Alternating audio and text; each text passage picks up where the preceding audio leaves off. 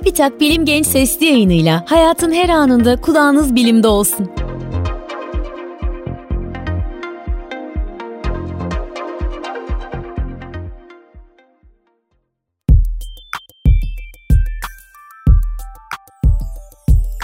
Güneş sistemi içerisinde başka bir gezegende yaşamak istersek karşımıza türlü sorunlar çıkabilir. Bu sorunların en önemlilerinden biri gezegenin manyetik alanıdır. Dünyanın manyetik alanı bizi güneşten ve uzaydan gelen zararlı ışınlardan korur. Bu manyetik alanı yaratan da hızlı dönen gezegenimizin sıvı metalik çekirdeğidir. Yaşamayı hayal ettiğimiz başta Mars olmak üzere diğer katı gezegenlerin böyle bir manyetik alanı yoktur. Bundan dolayı da oralarda yaşamamız neredeyse imkansızdır. Ama diyelim olmaz ya, manyetik alan problemini çözdük. O zaman da karşımıza iklim problemi çıkıyor. Öyle ya, sadece bizim gezegenimizin değil, diğer gezegenlerin de iklimi var.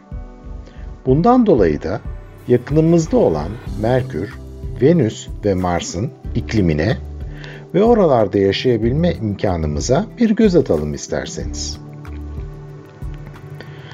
Dünya güneş uzaklığını 3'e bölersek, Güneş'ten kabaca 3'te 1 uzaklıkta Merkür, 3'te 2 uzaklıkta da Venüs bulunur. Merkür'ün atmosferi yok sayılabilecek kadar incedir. Bundan dolayı da Güneş'ten gelen ısı Merkür'ün yüzeyine düzgünce dağılmaz. Güneşe bakan yüz ortalama 450 derece, arka taraftaki yüz de eksi 150 derece sıcaklıktadır. Ayrıca Merkür çok yavaş döndüğünden Güneş bir defa yükseldi mi günlerce batmak bilmez, batınca da günlerce doğmaz. Bu nedenle Merkür'ün kutupları hariç herhangi bir noktası ya çok sıcak ya da çok soğuktur.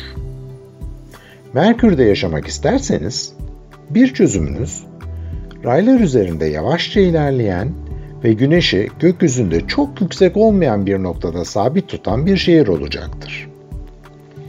Böyle bir şehrin sıcaklığını da hareket hızını ayarlayarak bizlerin daha alışık olduğu bir sıcaklıkta mesela 20 derecede tutmak mümkün olabilir. Bunun için de şehrin neredeyse yürüme hızında ilerlemesi yeterli olur. Yani Merkür o denli yavaş döner. Venüs'te yaşayabilmek çok daha zordur.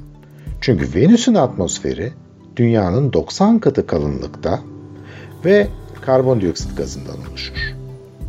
Bu kalın gazın oluşturduğu sera etkisi Venüs'ün her tarafını neredeyse cehennem sayabileceğimiz 450 derece sıcaklıkta tutar.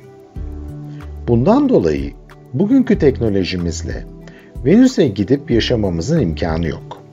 Ama mesela önce Venüs'e bir uydu gönderip bu uyduyla da dev bir şemsiye taşırsak, bu şemsiyeyi Venüs ile Güneş arasına yerleştirip Venüs'e gelen ısıyı azaltıp Venüs'ü hızlıca soğutabiliriz.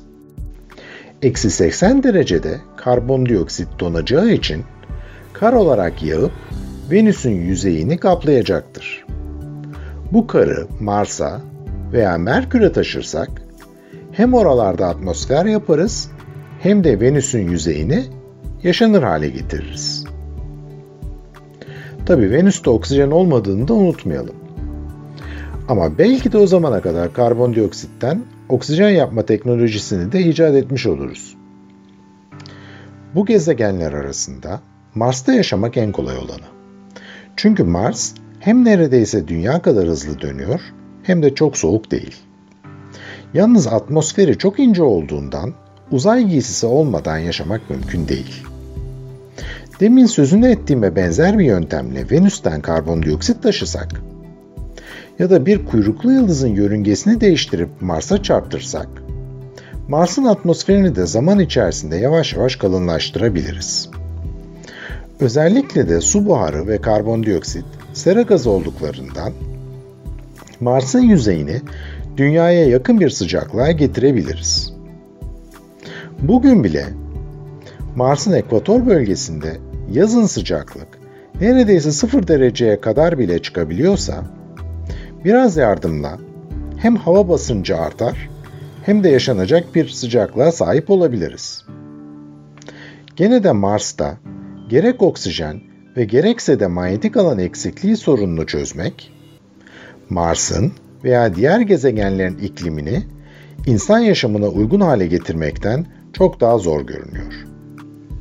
Bu nedenle de üzerinde yaşadığımız gezegenin kıymetini bilmemiz gerekiyor. Venüs'ün atmosferini dondurup Mars'ı onunla ısıtmaya çalışmaktansa kendi atmosferimize sera gazları salmayı bırakmak daha kolay değil mi sizce de? Görüşmek üzere, teşekkürler.